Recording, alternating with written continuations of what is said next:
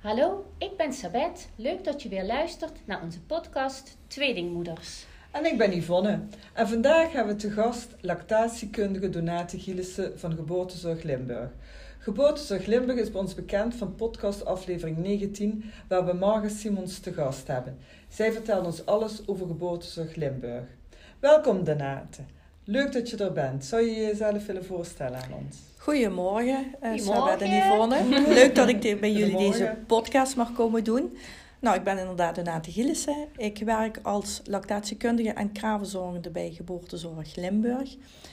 Lactatiekundige ben ik inmiddels eh 16 jaar en kravenzorgende 26 jaar. Zo, dat is een tijd. Ja, dat is een hele tijd al inderdaad. En eh, ook al zo lang in dienst van Geboortezorg Ja, Limburg. Ik ben begonnen bij Groene Kruis eh, Zorg, Groene Kruis Domecura. En uiteindelijk zijn we gefuseerd tot Geboortezorg Limburg.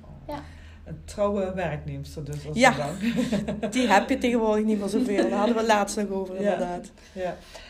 Maar jij bent lactatiekundige. Vertel eens, wat, wat houdt het in? Wat, eh, ja, hoe, hoe word je lactatiekundige? Ja, nou een lactatiekundige IBCLC is een gecertificeerde eh, gezondheidsprofessional die natuurlijk gespecialiseerd is in het geven van borstvoeding op allerlei vlakken. En als taak ehm, van de IBCLC is om informatie, kennis, expertise eh, aan, de, aan te reiken eh, die ouders eh, in staat stellen om, in staat stellen om problemen eh, te voorkomen, te herkennen en natuurlijk op te lossen. Om Mhm. het even in ge- in het geheel samen te vatten. Ja. Ja. Van eh, de borstvoeding. Van hè? de borstvoeding. Ja, Mhm. ja, ja. En je zei, je, was, je noemde eigenlijk een, een afkorting van iets. I... IBCLC staat voor International Board Certified Lactation Consultant. Zo. Dus een, is dat wereldwijd eh, een, een benaming? Ja, dat is een hele wereldwijde benaming inderdaad. Want eh, je hebt borstvoedingscoaches, je hebt borstvoedingsdeskundigen. Zo worden wij ook vaak genoemd. Maar dat is toch een verschil. Je hebt dan ook de IBCLC'ers. En je doet eigenlijk een, eh, een vooropleiding van lactatiekunde voordat je het internationale examen kunt doen om een IBCLC'er te worden. Oké. Ja. Dus eh, Maar als je zo gecertificeerd bent, zou je dan, kun je over de hele wereld dat beroep ja, uitoefenen? ja Oh, in principe mooi. wel. Ja. Ja, ja. Als lactatiekundige hier in Nederland ben je ook eh, lid van de NVL, dat is de Nederlandse Vereniging van Lactatiekundigen. Maar dat betekent dan ook dat je huisbezoeken mag doen. Mhm.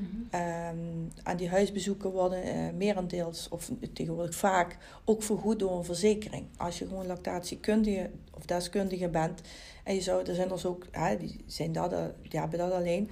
En die doen dan huisbezoeken, maar daar krijgen de ouders geen vergoeding voor. Dus, en het is toch een, een breder spectrum aan opleiding wat je gehad hebt Mhm. op allerlei vlakken. Mhm. En borstvoedingscoach, dat is laagdrempeliger. Ja. Dan krijg je die vooropleiding, dan ben je lactatiekundige.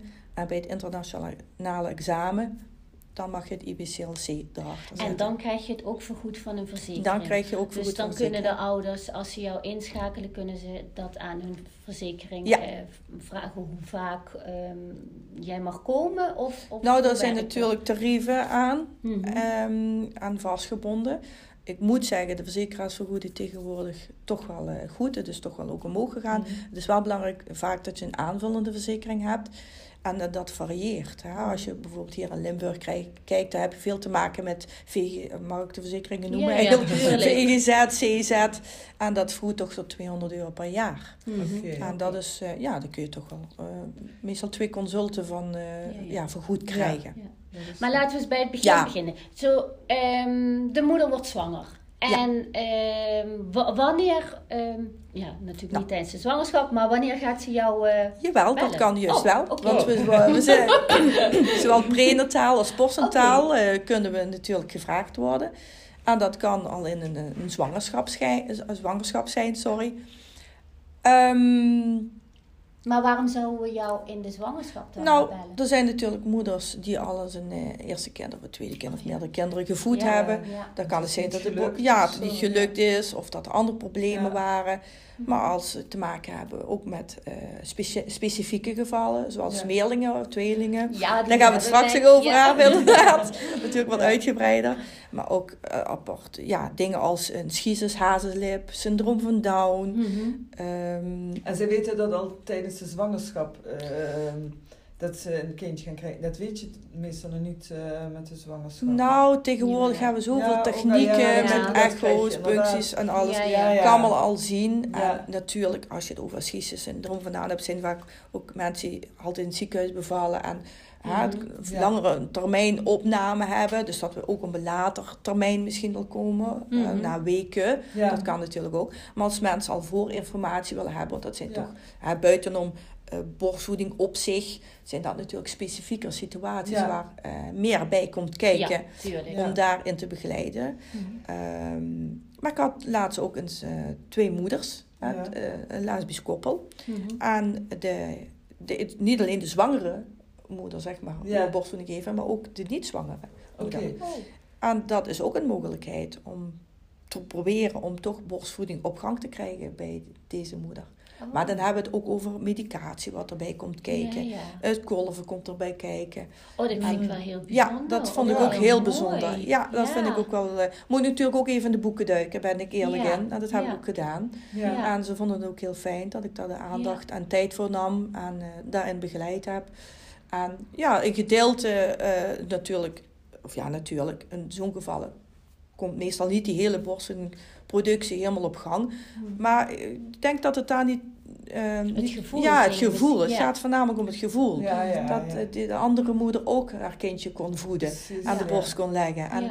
Of dan een kort termijn is of een lange termijn. Het gaat erom dat het. Om de ervaring, lukt, ja. ja. Mhm. dus dat is eigenlijk ook wel een mooi gegeven. Heel dat vond ik wel heel apart. Mhm. Ja, ja. Ja. ja en, en eh, ja, in onze tijd, eh, lactatiekundig, het is van een totaal nieuwe naam. Ik vind het ook heel mooi eh, dat ik hier nu meer over te weten kom. Eh, Ja. Maar ik kan me niet herinneren dat het al bestond. Hoe, hoe lang bestaat het? Nou, het bestaat ruim 20 jaar. Ah, Is dat begonnen met een groep Ja, vrouwen. En Ja. die eh, ja, hebben dat opgezet. En van daaruit is dat gegroeid. En in Mhm. Nederland, hè, zo'n kleine groep begonnen, dat eh, werden dan natuurlijk ook lactatiekundigen. Inmiddels zitten we in Nederland, als ik het over IBCLC's heb, eh, op ruim 500 eh, lactatiekundigen. Is- En wereldwijd, ja, duizenden. ja dat Natuurlijk. Ja, Dan, ja, ja, ja, ja. Maar het is hier in Nederland begonnen. Nou, het, het, het, het, het zal ergens anders begonnen Ja, ja. zijn. Maar in Nederland hebben ze dat natuurlijk ook opgepakt. Opgepakt, Ja. eh. Vandaar ook een internationaal examen. Ja. We hebben allemaal in oktober, als ik niet lieg, want het is natuurlijk even lang geleden van mijn jaar rond oktober, zijn die examens over de hele wereld op dezelfde Oh. dag. Oh. Ja, natuurlijk ja. de ene in de ochtend, de andere in de middag. Ja, ja, Ja. Ja, speciaal. Dus dat is wel Ja. eh, speciaal. Ja. Maar ehm, nou, ik ben bevallen en het, het loopt niet echt helemaal zoals het eh, moet, die borstvoeding. En dan bel ik, eh, kom ik bij jou via het consultatiebureau of kan ik jou direct benaderen? Of hoe werkt dat? Nou, meestal, ja, ik werk dus in loondienst, dus ik zit bij Geboortezorg Limburg. De Mhm. kraamverzorging, mijn collega's, die weten natuurlijk van, ook van ons bestaan. En dan benoem ik even ons, want ik ben natuurlijk nog met drie andere collega's. En eh, van letterlijk van ijzer tot de mook hè, Mhm. zijn we inzetbaar, zeg altijd. En ehm, de kraamverzorging weten ervan. En dus de kraamverzorging kan ons inschakelen, een verloskundige kan ons inschakelen. Als je het hebt over na het kraambed, Ja, eh, de mensen weten het zelf, kunnen ons benaderen, de ouders zelf. Of inderdaad via consultatiebureau. Soms heb je ook wel eens een, dan een huisartsje benaderd. Mhm. Of een, eh, de collega's uit het ziekenhuis. Ja. Die geven een gezin door waar toch wat een, een situatie, problemen spelen. mhm. En die zeggen, god, die mevrouw komt naar huis. Zou je daar even contact mee willen leggen en eventueel een huisbezoek willen doen? Dus we hebben toch wel de- een eh, korte lijn. thuis. Ja, ja, dan kun je bij de ouders thuis. Ja. Laat ik even teruggaan naar die zwangerschap. Ja, Wij geven Ja. ook bijvoorbeeld borstvoedingsavonden. Ik zeg altijd, een goede voorbereiding is het halve Ja. werk. ja. Dus daar geven we informatieavonden. De ene doet dat 's middags, de ander doet dat 's avonds. Als een, eh, bij ons is dan een cursus van ongeveer twee uur. Waar we alles vertellen over borstvoeding. Ja, van de, de, de anatomie een stukje, de gezondheidsvoordelen. Als je weer gaat werken, als er problemen zijn. Wat fijn. Ja. Dus dat wordt dan allemaal opgepakt. En natuurlijk onthoud je niet alles. Ik benader altijd het aanleggen. Als je dat onthoudt, of dat nu thuis of in het ziekenhuis gebeurt, dan ben je al heel goed op weg. Ja. Nou, van daaruit kennen je- de ouders je dan meestal ook al. Hè? Dan hebben ze het contact ook al met je gelegd. Eh, we doen vragenuurtje. Dat, eh, dat kan online, doen we dat. Ja, door de covid zijn we dat online kan doen. Ook natuurlijk met die borstvoedingsavond op dit moment nog. We hebben spreekuren bij sommige verloskundige praktijken. Dus zo komen we in contact. Dus dan kunnen mensen ook, als ze zwanger zijn of na de geboorte, voor kortere dingen dan Ja, ja. Kunnen ons benaderen. Ja, En de huisbezoeken is natuurlijk vaak wat langer, ongeveer anderhalf uur. De ene wat korter, de ene wat langer. En ehm, de huisbezoeken, sommigen willen dat ook al in een zwangerschap. Die willen liever één op één even wat Ja. informatie hebben.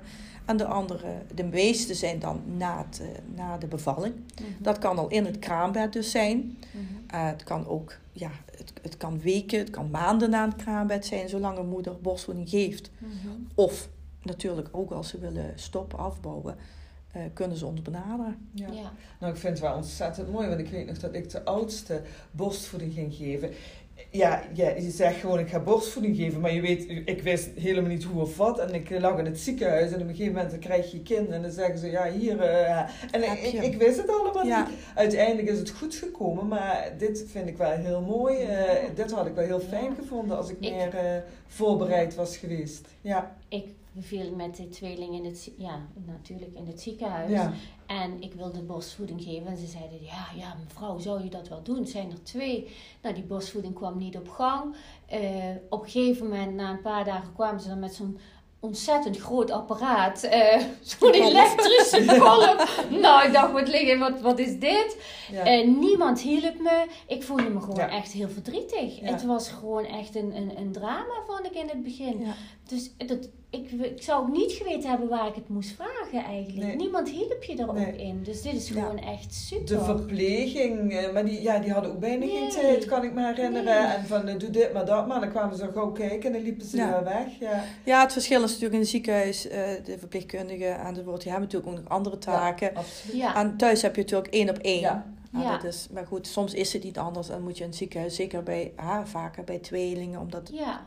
Vaak ook om ja, premature tweelingen Mhm, gaat. mhm. Soms ook Ja. na termen. Dus dat betekent kindjes die op tijd zijn geboren vanaf Mhm. 7, 38 weken, zeg maar. En dan misschien al naar huis mogen. Dus dat is inderdaad wel een verschil. ja, en, en weet je, eh dan zei ze, gebruik maar een tepelhoedje. Geen Zo'n zo'n idee. tepelhoedje. Geen idee, Ja. toch? Ja. Ja, maar dat was wel, doordat dat zo ging en dat er weinig hulp was in eh, onze tijd, dat Ja. heel veel moeders vaak eh, eerder stopten dan ze Ja. gewild zouden hebben. Ja, Als jullie dan er geweest waren, of je had meer hulp, was je toch doorgegaan. Of bij een borstontsteking dat de ouders al zeiden, ja, of moeders, ik stop ermee. Ja. Of, of eh, ja, Ja. als het kind te veel huilde, of het kind ja, pakte de borst niet. Ja. Dus dat is wel heel mooi. Ik, eh, Ja, dit is echt wel een... Ja. echt wel een, mooie toevoeging voor eh, ja, dat meer moeders ook eh, borstvoeding gaan geven. Ja. ja. Nou, als je dan inderdaad over hè, met tweelingen of meerlingen hebt.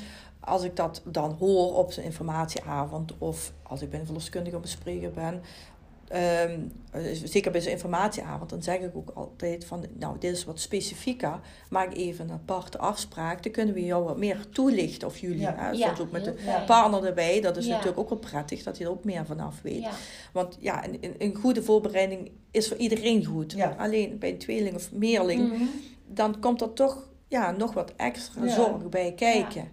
En Wat- wat- aandacht. Wat, eh, adviseer jij dan als er een tweeling of een meerling is met de borstvoeding, eh, eh, alle twee in eens proberen te voeden? Of om Ja, dat is om? natuurlijk heel verschillend. Hè? Hoe ik al zei, veelal bevallen vrouwen van een tweeling heel vroeg helaas. Hè? Dat ze toch al een tijdelijke opname is. Mhm. Maar als het over eh, ja, twee gezonde baby's hebben, Ja. of zeg maar even de tweeling. Ja, bij ons Wat- waren ze eigenlijk... eh, ja, een geboren. bijna ruim ja, 40 Zo, weken. Ja, dat ja. gebeurt niet vaak. Nee, bij Gebeurde mij niet vaak. 37. Die hadden Ja. het heel goed bij mama. Ja, die wilden maar niet komen. nee. Ja. Nou, maar goed, dan is er ook nog wel verschil. Soms heb je het, het, dat de ene een, een kilo meer weegt dan de Mhm. andere. Ja. Dat maakt al verschil. De ene is sterker dan de andere. En als je dan gaat kijken met borstvoeding, ehm, we proberen ze tegelijk aan te leggen. Maar het begin begin je meestal met eh, de eerste ene aan te leggen en dan de andere baby. Want ja, goed, je moet het zelf natuurlijk ook even gaan leren. Ja. Het zit wat natuur er wel in, maar om daar, je kunt dan beter de focus goed op één leggen als dat je ja, ligt te kloemelen, om het maar Ja, ja, plat te ja. Met, Met met, twee baby's en dat het dan meteen al misgaat of eh, een moeder verdrietig wordt of teleurgesteld is. Dan kun je beter even de focus op één leggen en dan de andere baby erbij pakken. En als het goed gaat, stel dat het goed gaat, de, de aanlegtechnieken onder de knie hebt, vaak gebruik je ook een voedingskussen erbij. Ja, dan, dan heeft dat toch wat meer ondersteuning voor eh, de moeder op dat moment. Of gewoon huistuin, keukenkussen zeg ik Ja. altijd. En de ene leg je bijvoorbeeld onder je arm, dat noemen we een rugbyhouding. En de andere leg je in de Madonna-houding. Dus voor je schoot. Ja, je hebt van alles. We doen rugby, we doen de Madonna, we doen de overgangs. Ja, Ja. we doen van alles. Leuk, ja. Maar ehm, dan kun je zeggen van nou, als je twee sterke baby's gelijkwaardig hebt, dan zeg je voor 24 uur eh, eh, baby A krijgt rechts en baby eh, B krijgt links. Maar als je een zwakkere erbij hebt, dan is het beter ook om af te wisselen. Ja, Dus ja. de ene krijgt dan eh, de eerste, de, borst A en Ja. dan eh, de eerste, en dan ga je daarna omdraaien. Dan de volgende voeding. Ja, voeding ja, af. zodat Ja. het ook de productie gelijkwaardig Ja. op gang komt. Ja, en ja. natuurlijk productie bij beide borsten goed blijft lopen. Ja. Oh ja. ja. Als je natuurlijk naar hele kleintjes kijkt, dat heb ik, want hè, dat is ook eens een vraag van jullie, een vraag van jullie. Heb je zelf wel eens te maken gehad, of veel vaak met, te maken met, met tweelingen? Ik heb het vorig jaar nog gehad, eind van het jaar. En, eh, Mhm. het was een Duitse moeder, dus ik spreek wel wat Duits, maar we sp- we spraken voornamelijk Engels, dat kan ik heel goed. Eh, maar door de taalbarrière, dat kost je toch Ja. op een andere manier energie Mhm, hè, voor mhm. beide. En die babytjes waren geboren met 31 weken. Oh. Dus die zijn eh, na een week of, moet ik even hard denken, enkele weken later thuisgekomen. Maar daar zat dus bijna een kilo verschil in. Maar de, de, De zuigkracht? ja, de zuigkracht is er vaak Ja. niet. En ik heb van, Ja. van mijn collega, want dat, eh, ik vraag ook natuurlijk bij mijn eigen collega's na, een collega van het ziekenhuis gevraagd, eh, had ik het er met haar over, want ze benaderde, die moeder benaderde ook wel eens de collega nog, dat we ja, allebei Mhm. op één lijn bleven Ja, zitten met ver- vertellen van ons verhaal. Ehm, die liet me ook weten, nou eigenlijk zijn die kindjes pas tien weken ehm, na de aterme leeftijd goed in staat aan die borst te gaan. Oké, Ja. ja. Ja, En Maar dat is dan eigenlijk de tijd dat ze vol, dat de ja, dat is, dus, zijn. dat, Dus dat, dat eh, is dan eigenlijk... 41 weken zou dat dan zijn. eh, rond Nee, de nog, 40. zeg maar rond de 50ste week, noem het dan maar. Bij 40 weken zouden ze... Hè, Ja, derde en daarna leeftijd. 10 En dan nog eens Oh, 10 nog weken erbij. zo Dus dat is best lang. Ja, dat is lang, ja. Als ze ook nog eens 10 Ja. weken te vroeg zijn geboren. dan, dus dan zou, dan zou je eigenlijk eerst het flesje moeten geven. Ja, maar dan dat komt kan die borstvoeding niet? nou, die moeder deed Ja. dan eh, b- borstvoeding eh, afkolven. Oh, ja. Dus ze deed ook Oh, ja. aanleggen. Oh, vaak zie je toch nog wat ehm, problemen bij kinderen. Dat ze heel erg veel huilen. eh, darmproblemen hebben. reflux, dus gaan spugen. eh dus de ene wakker, dus de andere weer wakker. Niet in slaap krijgen. Dat kost heel veel tijd en energie. Dus Ja. ik heb ook echt goede gesprekken met die moeder moeten hebben. Van waar komt in dit geval jouw, ehm, jouw ja, mag ik het zo zeggen, niet dwang vandaan, maar de obsessie van ik moet, ik moet, ik moet die kinderen aan de borst Ja, hebben. Daar ja. zat het eigenlijk. Ja, Want ja. het zijn niet alleen de borsten, hè, het speelt ook in de Ja, hoofd. Wat gebeurt er allemaal? Waarom leg je de lat zo hoog voor jezelf? Ja. Ja. En ja, dan kan dan toch een falend gevoel anders naar boven. Ja, ja. Oh, En dan komen dan ook de tranen, maar dan haal je het er wel uit. Ja. Ja, En dan ook moeten laten beseffen van je moet niet dit en dat, je Nee, hoeft je niet dit hoeft en niet. dat. Dat Nee. Ja, maar ik, als zij, zij heeft natuurlijk bedacht in de zwangerschap van ik ga ze Ja. fijn borstvoeding geven en alles. En dan heb je dat eenmaal in je hoofd en dan lukt dat niet. En dan, ja, dan moet je even weer een andere mindset. eh, Nou, Ja. En fijn dat dat, is jullie heel dat moeilijk. ook bespreken, zelfs in het Engels. Ja. Ja, dat lukt me wel goed. Nou, ik snap dat wel. Want Ja. ik had bij de tweeling, eh, mijn zoon, ehm, die wilde niet meer drinken. Of die dronk zo langzaam dat Ja. dat op een gegeven moment ook niet meer lukte. En bij mijn dochter wel. Ja, Dus daar ben ik ook langer mee doorgegaan. Maar ik vond het wel heel zielig voor hem. Ja. Terwijl, ja, hij kreeg het ook, maar hij dan krijgt per het ook, fles. maar dan per fles. Ja. Ja. Maar je voelt je dan toch eh, op een of andere manier een beetje schuldig. Dat de Ja. het wel krijgt en de ander het niet. Juist. Maar ik denk dat het wel goed is om dat dan maar niet door te zetten. Want je wordt er inderdaad zelf helemaal gek van. Ja, maar de wel kinderen merken het ook. En de stress en de spanning. En juist daardoor Juist. lukt het ook vaker niet. Juist. Alleen door die spanning, ja. Juist, daar ben ik heilig van Ja. overtuigd. ja, dat geloof ik ook. Als het in het hoofd Ja. niet goed gaat, zeg maar, Ja. dan gaat het bij die borsting ook niet goed. En die kinderen voelen dat enorm aan. En hoe is dat afgelopen met die mevrouw?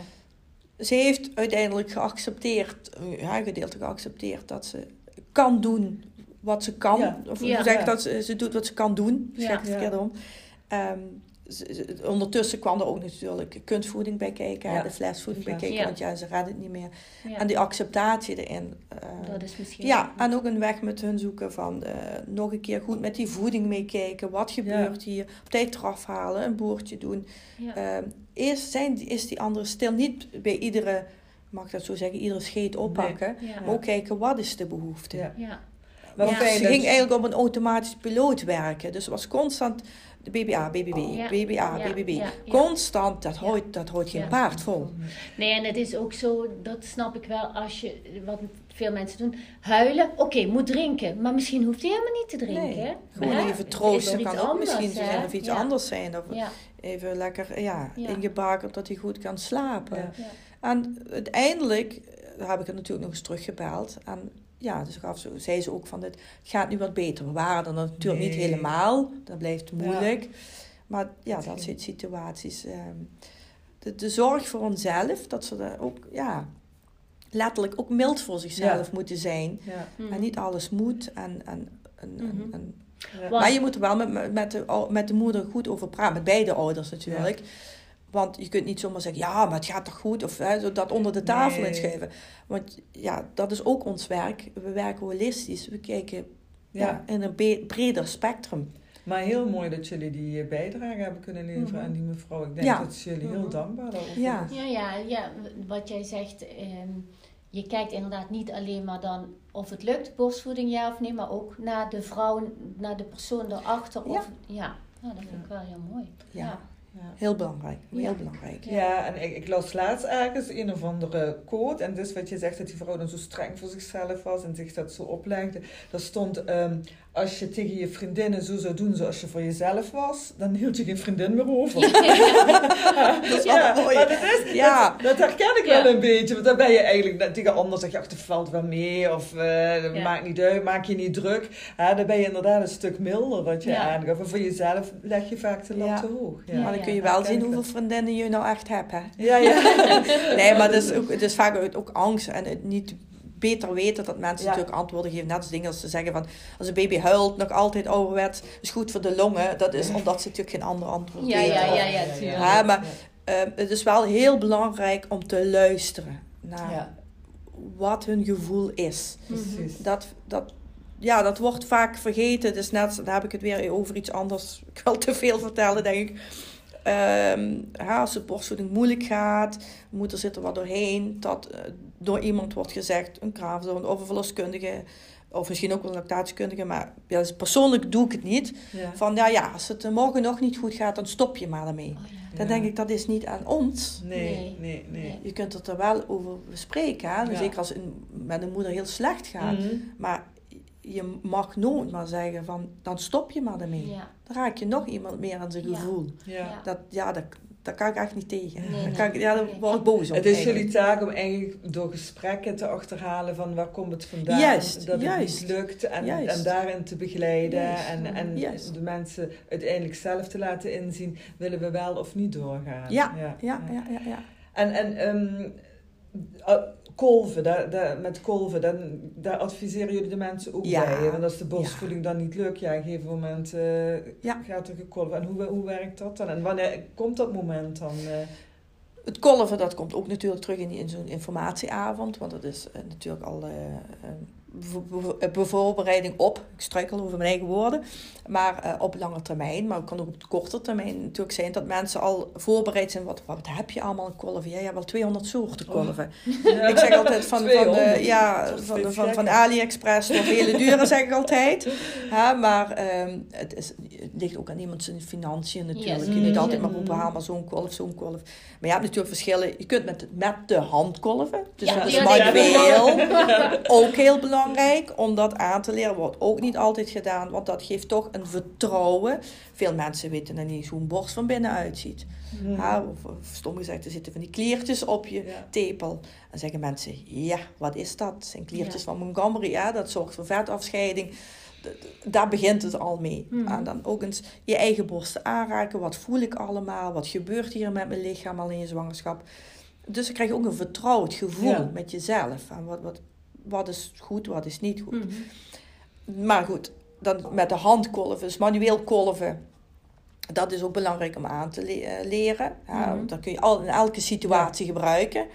Dan heb je uh, handmatige kolven, dan heb je elektrische kolven en dan heb je ook de professionele kolven. Mhm. Dat is dat apparaat uh, Ja, ja, ja, jij aan het ziekenhuis had. Die zijn natuurlijk ook Ja. veel meer technisch verbeterd tegenwoordig, ook qua geluid en alles. Ja. En, eh, ik dacht, die trekt er alles Ja. uit. nou, dat zijn ook vaak huurkolven, Echt, want dat zijn hoor? Of kolven de van de- overtollige kilo's. Oh, ja, was dat maar waar? Dat Ja, maar er zit wel verschil in natuurlijk. Hè? Als mensen op een, via Marktplaats gaan hoppen om daar kolven aan te passen komen. Via het ja. Groene Kruis kreeg je die. hè? Ja, dat huur je dan. destijds, Ja, dat ja, huur ja, je, ja. ja. Nou, voor de avonden bijvoorbeeld heb ik en mijn collega Gert die ze ook thuis.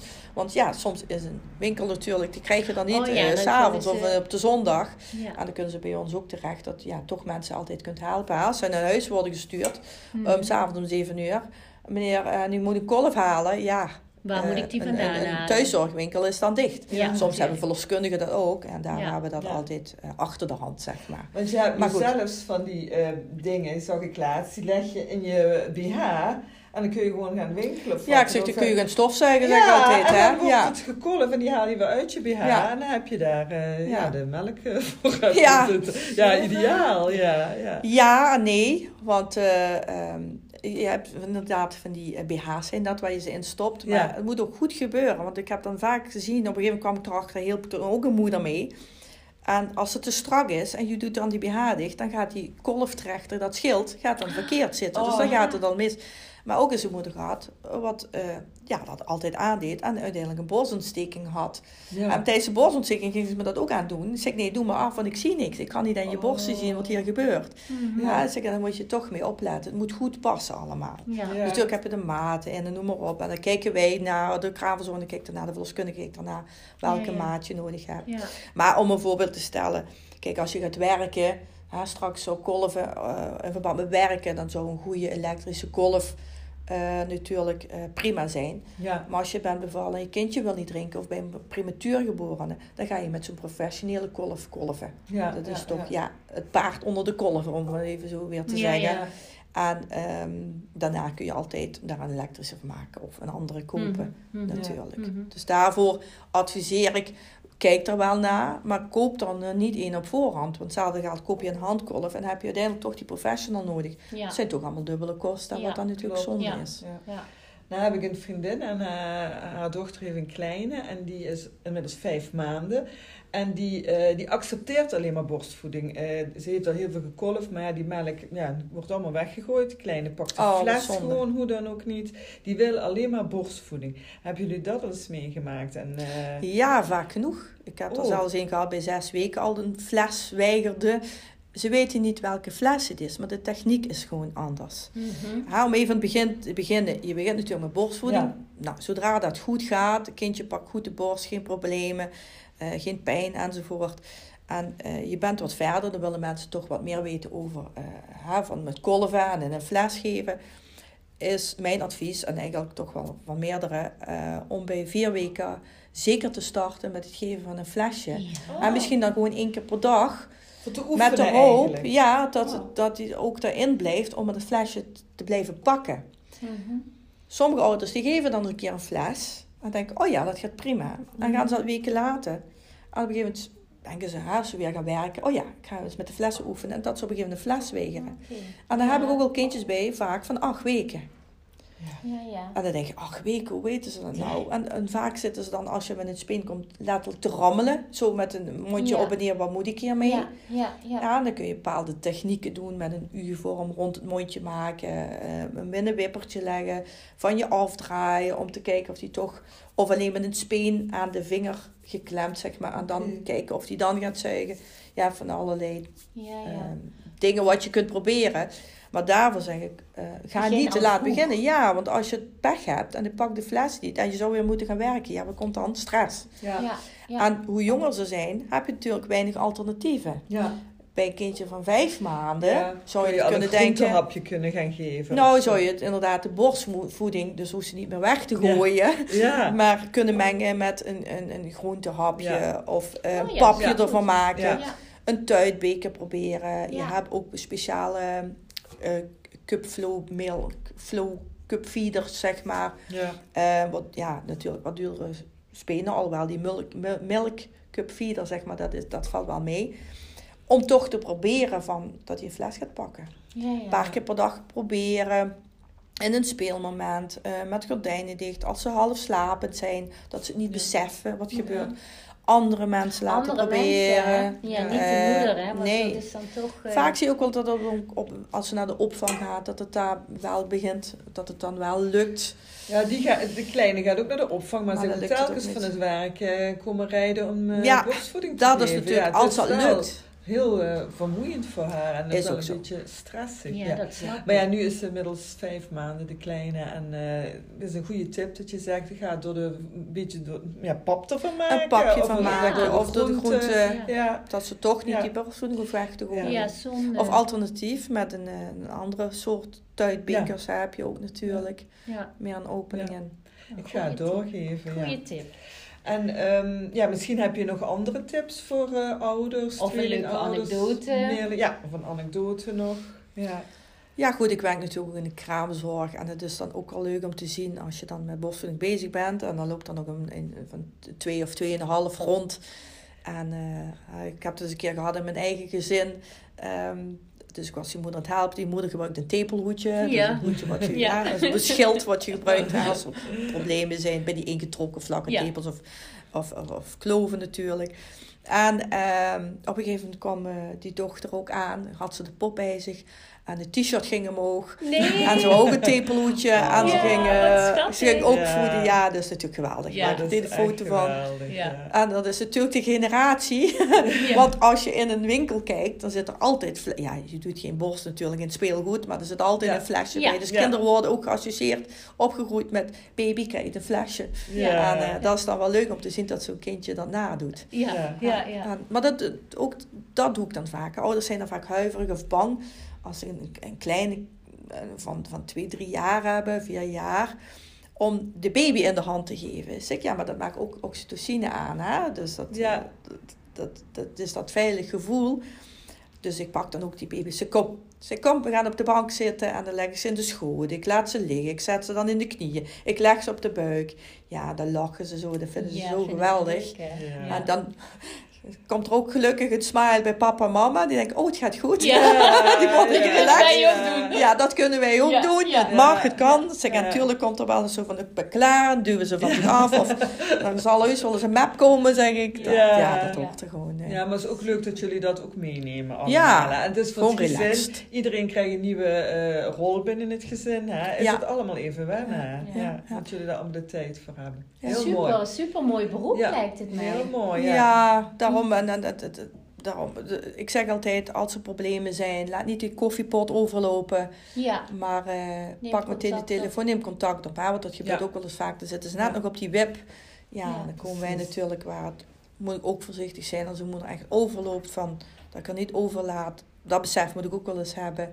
Eh, om te kijken van, wacht even. Ik moet even terug nu naar de basis. Wat gebeurt hier? Ja, En waar kunnen we nog aan werken? Want dat zou natuurlijk zo jammer, zo zonde Ja. zijn. ja. ja. Om die mooi. stap te zetten. En eh, ja, het, het, het- ja, het is nooit te veel eigenlijk. Nee. Ik bedoel, als het jou helpt als moeder zijn of ouders zijn, Ja, dan is het toch alleen maar fijn. ja. En met 500 eh, lactatiekundigen in het Ja. land moeten heel veel ouders eh, geholpen zijn. Ik vond het heel, heel Ja, interessant. heel interessant. eh, ja, wij leren er Ja. zelf ook nog heel veel van.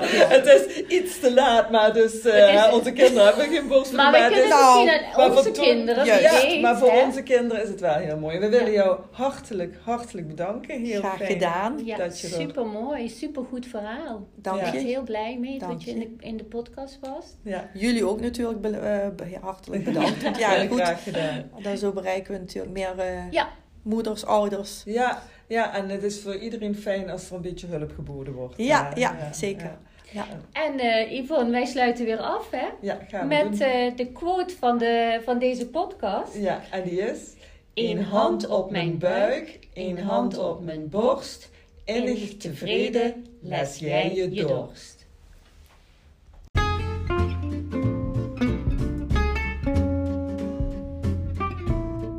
Dankjewel voor het luisteren naar de laatste aflevering van het tweede seizoen Tweelingmoeders. Momenteel zijn we druk bezig met de opnames van ons derde seizoen, waar we naast onze info ook verhalen van tweelingen gaan delen. Gesprekken met tweelingen vanaf 16 jaar tot en met 100. Wij zijn heel erg benieuwd hoe zij het tweeling zijn hebben ervaren. En wij hopen op leuke, sprankelende, informatieve en gezellige interviews. Voel jij je aangesproken en vind je het leuk om samen als tweeling bij ons te gast te zijn? Of ben je familie, bevriend met iemand van een tweeling waarvan je denkt dit is echt iets voor hun? Mail naar tweelingmoeders.gmail.com of stuur een PM op Instagram Tweelingmoeders. Tot slot nog een kleine gunst. Luister je onze podcast via Apple of Spotify? Geef ons dan wat sterren. Of bij Google laat een recensie achter. Zo vinden meer mensen onze podcast en hebben wij een idee wat jullie ervan vinden. Hartelijk dank alvast.